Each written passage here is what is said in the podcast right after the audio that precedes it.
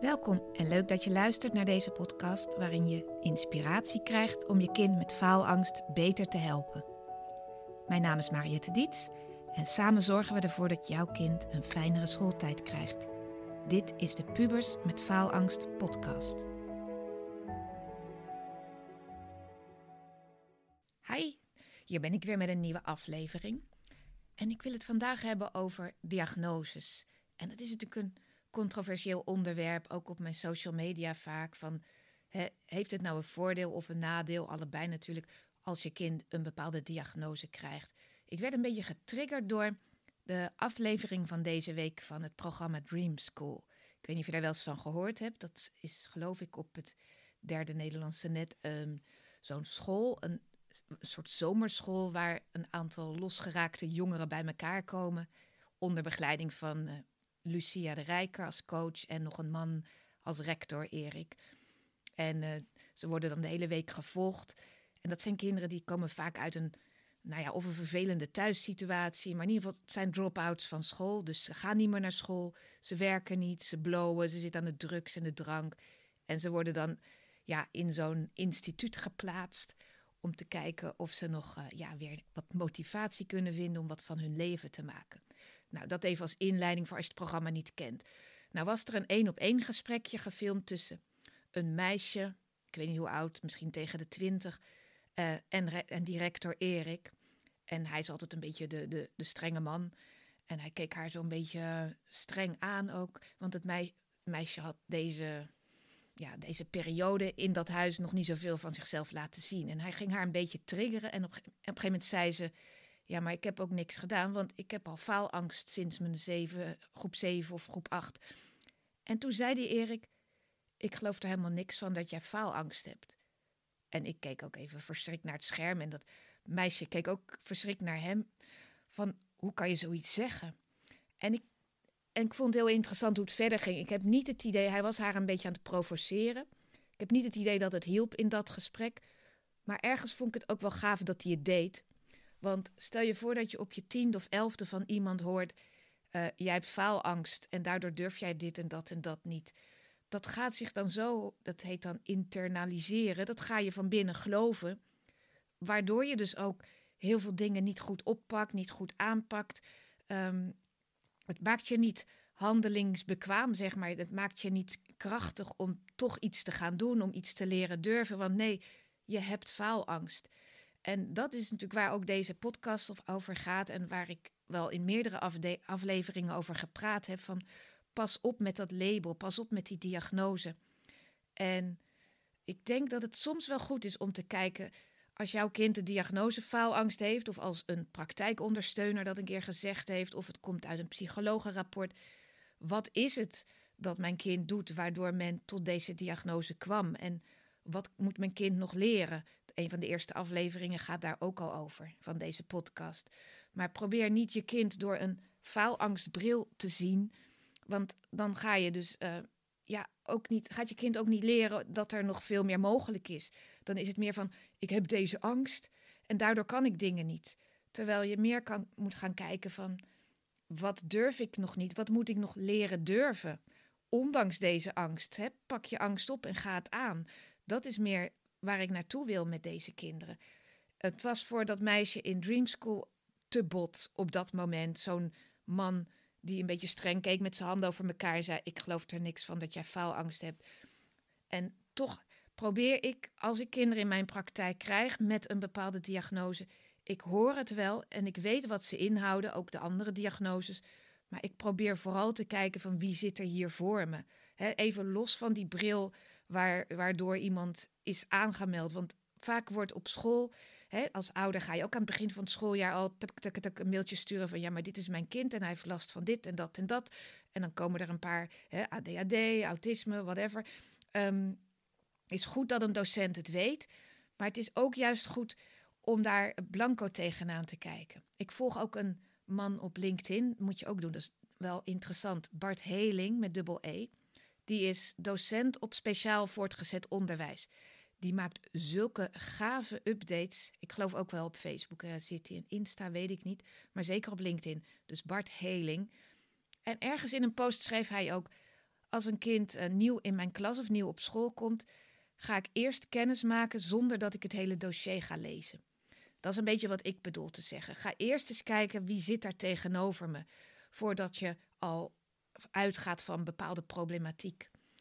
Um, de reden dat ik ook deze week met dit thema wil komen, los van wat er daar in Dream School gebeurde, is ook een situatie in mijn praktijk. En dat was een, uh, paar maanden geleden een jongen die had het idee dat hij uh, AD, ADHD had. En hij had zijn moeder gevraagd om dat te laten testen. En hij, uiteindelijk hadden ze natuurlijk een wachtlijst. En toen mochten ze naar zo'n psycholoog voor het testgebeuren. En uiteindelijk kwam de uitslag van de test. Daar kwam niet uit dat hij ADHD had, maar wel dat hij depressief was en een angststoornis had. En dat rapport stond ook vol met voorbeelden waarvan die jongen had gezegd van dit doet mijn vader verkeerd, dit doet mijn moeder verkeerd, dit, dit is allemaal niet fijn in huis. Dus hij had zijn hart gelucht bij een onderzoeker. Het was volgens mij maar één middag onderzoek. De ouders waren ook niet gevraagd voor vragenlijstjes en zo. En na die ene middag is dat dus alles wat hij eruit ge, ja, gekotst, dat wou ik zeggen, wat hij eruit had gegooid over hoe naar het soms is thuis, dat had hij allemaal verteld. En dat heeft iemand in een rapport gezet, wat weer naar zijn ouders ging.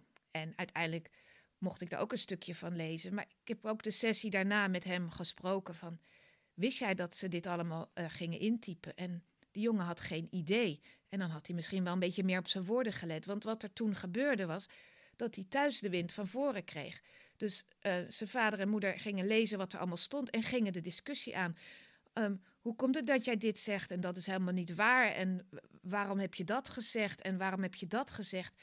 En, dus, en ik kan het me van een ouder uit ook wel voorstellen als mijn kind opeens bij een hulpverlener uh, helemaal uh, leegloopt en ik krijg dat te lezen. Ik geloof niet eens dat ik het zou moeten willen lezen. Want je gaat toch automatisch in de verdediging. Want waarschijnlijk ligt het ook allemaal wat genuanceerder. Uh, waarschijnlijk um, was je kind ook in een bepaalde klaagmodus. En als je 14, 15, 16, 17 bent, dan ben je ook niet altijd zo positief over je ouders. Dus het is dan heel moeilijk om als ouder dan te zeggen: Oké, dit rapport heb ik nu gelezen. Ik leg het naast me neer.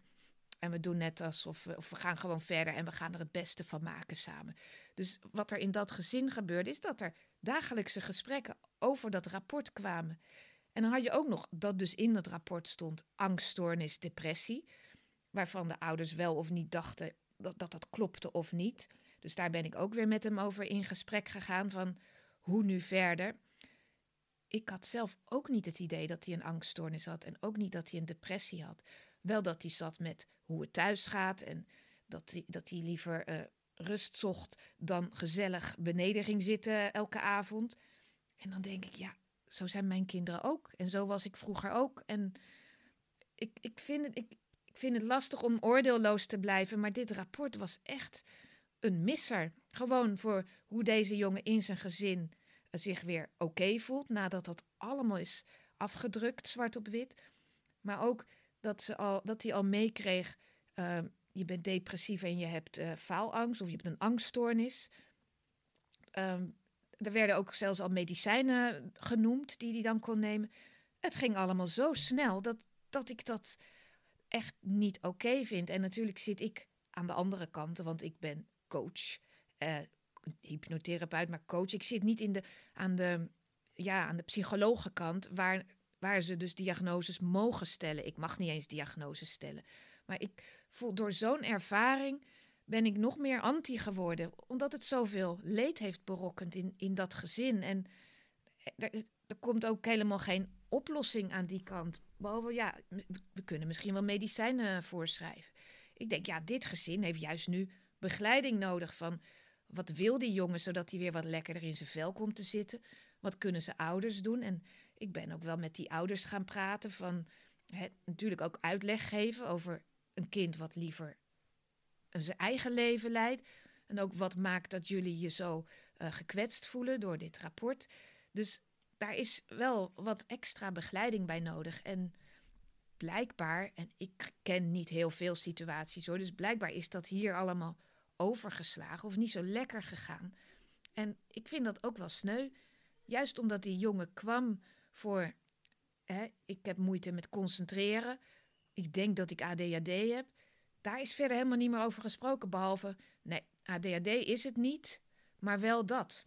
Denk ik, ja, ondertussen moet hij wel verder met hoe kan ik zorgen dat ik me focus op school? Hoe kan ik uh, zorgen dat ik mijn hoofd af en toe leeg kan maken? Hoe kan ik zorgen dat ik, um, dat ik thuis mijn rust kan pakken zonder dat ik, uh, weet ik veel, uh, last heb van of wat, ja, ruziende ouders of discussiëren of weet ik veel, jongere broertjes of zusjes waar je last van hebt. Sommige kinderen zijn gewoon snel overprikkeld. Dus die moeten weer leren van, hè, hoe kan ik me beter focussen? Bij deze jongen was het ook wel iets met motivatie, want wat hij mij de weken ervoor vertelde was dat hij eigenlijk helemaal niet zoveel aan school deed. Eigenlijk niks. Dus dan kan je wel zeggen, ja, ik haal lage cijfers, want ik kan me niet concentreren. Maar het lag wel wat anders. Want ja, als je niks doet aan school, hè, of het nou om concentreren gaat of niet, maar als je het niet eens probeert, ja, is het ook wel logisch dat je cijfers tegenvallen. En eigenlijk was dus de hoofdvraag in deze in situatie van hoe kan die jongen weer lekker in zijn vel komen te zitten. Hè, veel meer met vrienden afspreken, want dat vond hij op zich wel leuk. Zodat hij ja, ook de rust kan voelen en de motivatie om in ieder geval dit schooljaar weer goed door te komen. Dus dit is wat deze week door mijn hoofd schoot als het gaat om ja, uh, diagnoses ik ben niet tegen en ik weet heel goed van ouders, ook op mijn social media, dat als ze reageren van ja, maar het is zo helpend, want eindelijk snap ik hoe mijn kind werkt. Eindelijk krijg ik de erkenning dat ik geen slechte ouder ben. Nou, ik zeg ook niet dat je een slechte ouder bent als jouw kind moeite heeft met concentreren of druk gedrag vertoont. Want kinderen zijn gewoon allemaal anders en sommigen hebben ook gewoon heel veel geduld of juist structuur of wat dan ook nodig en dan is het, ja, tussen aanhalingstekens fijn als het ASS genoemd wordt of ADHD, omdat je dan ook ja, de juiste boeken en informatie tot je krijgt, eh, of podcasts, of ja, weet je wat er allemaal ook is aan hulp, om dat kind te geven wat dat kind nodig heeft. En als dat medicatie is, uiteindelijk is dat ook een keuze waar je voor kan kiezen. Maar laten we dat niet te snel doen. En laten we niet te snel diagnoses stellen zonder eerst met het hele gezin te gaan kijken van wat gebeurt daar allemaal, waardoor zo'n diagnose kan ontstaan. Nou, dat is wat ik uh, kwijt wilde. Ik wil je vooral als ouder uh, meegeven, blijf kritisch bij wat hulpverleners zeggen, wat instanties zeggen. Niet dat je iedereen moet wantrouwen. Hè. Ik ben ook maar iemand die wat zegt en zo kan een ander ook weer wat zeggen. Kijk ook goed naar je kind. Wat werkt er niet lekker? Wat moet er anders gaan? En vaak, nou niet vaak, soms komen kinderen ook zelf met een diagnose van, nou mam, ik heb gelezen op internet over depressie. Ik denk dat ik dat heb. Uh, dus dat is ook weer het nadeel van internet. En dat heb je natuurlijk ook met fysieke klachten. Dat je, dat je meteen gaat googlen en meteen het ergste denkt. Um, als jouw kind komt met zo'n vermoeden, ik denk dat ik de depressief ben, ik denk dat ik een faalangst heb. Ik denk dat ik, nou ja, wat heb je allerlei. Eh, je kan allerlei dingen bedenken. Ik denk dat ik ADHD heb. Ik denk dat ik ADD heb. Luister wel naar je kind. Wat maakt dat je kind hiermee komt? Want uiteindelijk is het vanuit je kind ook een, ja, een kreet voor hulp. Blijkbaar lukt iets niet en denkt een kind: als ik word onderzocht, dan heb ik in ieder geval een bewijs dat ik niet gek ben. Ik vind het gewoon heel moeilijk om me te concentreren. Of ik vind het heel moeilijk om me lekker in mijn vel te voelen. Of ik ben gewoon niet zo blij de laatste tijd. Dat kunnen allemaal dingen zijn die spelen. En het betekent niet dat je meteen naar de huisarts moet rennen om iets te laten onderzoeken. Maar neem je kind serieus. Luister vooral naar wat maakt dat je kind dat denkt. Hoe kun je al zelf hulp bieden? Hoe kun je al zelf kijken van wat kunnen we anders doen zodat jij lekkerder in je vel zit? Of je beter kunt focussen? Of dat het wat makkelijker gaat met motivatie? Misschien moeten we wat meer samen gaan doen. Of misschien moet ik je juist wat meer met rust laten. Het zijn vooral heel veel signalen die een kind geeft als die met zo'n verzoek komt. Ik heb ook wel eens een tijd terug een moeder begeleid van een zoon van 17 die heel veel aan het blowen was. En uiteindelijk zei die jongen ook: Ik tegen die moeder van ja, ik wil hier niet mee stoppen, want het geeft me zoveel rust in mijn hoofd. Ik denk dat ik ADD heb. En dat, uh, ja, die wiet die geeft mij de rust om, ja, om me toch een beetje te focussen op de dingen die ik moet doen. Ik weet zelf niet zo goed wat beter is, blowen of medicatie voor ADD. Dus, maar het geeft wel aan dat kinderen zelf wel voelen van er gaat iets niet lekker. En die gaan er opzoeken of ze zien het op social media en dan gaan ze, gaan ze zichzelf een diagnose stellen. Dus blijf kritisch, neem je kind vooral serieus. Ga niet meteen in de verdediging en haal alsjeblieft die gedachte uit jouw hoofd dat jij geen goede ouder bent als je kind ergens last van heeft. Want je weet het toch niet wat, het, wat de beste aanpak is. We doen allemaal maar wat. Dus hè, als een label, een diagnose jou eindelijk het bewijs geeft dat jij niks verkeerd hebt gedaan, of dat je een goede ouder bent, of dat het niet aan jou ligt, is het eigenlijk al wat laat. Want dat weet je zelf toch ook wel. Je doet je best met de feiten, met het kind wat misschien een ja, special need kind is, wat speciale aandacht nodig heeft of speciale aanpak nodig heeft, wat niet luistert naar straffen en belonen. Het is steeds maar trial and error met opvoeden van wat werkt het beste bij mijn kind. En kom je er echt niet uit, ja, dan kan je inderdaad hulp zoeken. Of bij iemand zoals ik. Of dan ga je naar de huisarts, praktijkondersteuner. Die kan vaak ook al met een paar gesprekken je kind weer op de rit helpen. En eventueel kan je dan nog doorverwezen worden om het verder te laten onderzoeken. Maar wees er voorzichtig bij. Wat ik het grootste nadeel vind van diagnoses, hè, hoewel ze dus ook helpend kunnen zijn, is dat ze verlammen. Dat ze het kind uh, ja, een beperking aanpraten. Van dat komt door mijn autisme, dat komt door mijn ADHD, dat komt door mijn angststoornis. En alsof je dat je hele leven met je meedraagt. En natuurlijk, het, het zijn kenmerken die jij hebt. Misschien draag je ze ook je hele leven met je mee. Maar als je het als een last gaat zien, dan ja, krijg je een soort hulpeloosheid. En ik heb liever dat kinderen, volwassenen, jongeren, dat ze proberen om te kijken wanneer lukt het me wel? Wat kan ik wel? Hoe kan ik in kleine stapjes toch doen wat ik moet doen of wat ik wil doen? En ja, welke beroepen, welke opleidingen, welke toekomst past er bij mij met al mijn gekkigheden en of lastige dingen? Of wat werkt bij mij wel het beste? Dat vind ik allemaal veel versterkender dan ik kan het niet vanwege mijn diagnose. Dus dat was mijn preek voor vandaag. Doe ermee wat je wil. Als je vragen hebt, vind ik het leuk als je me een mailtje stuurt. Als je hierop wilt reageren. Als jij nog andere inzichten hebt als aanvulling. Ga lekker naar mijn social media, naar mijn Facebookpagina Mariette Diets Coaching. En reageer erop. Ik plaats vaak wel een, uh, een nieuwe aflevering daar. En dan kunnen mensen erop reageren. En dat vind ik leuk als je dat doet. En uh, dan wens ik je verder nog een mooie dag. En tot de volgende keer. Bedankt weer voor het luisteren naar de Pubers met Faalangst podcast.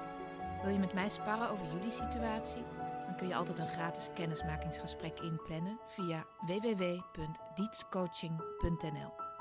Vind je deze podcast interessant? Abonneer je dan en geef hem een goede review. Dat helpt mij enorm om nog meer ouders te bereiken.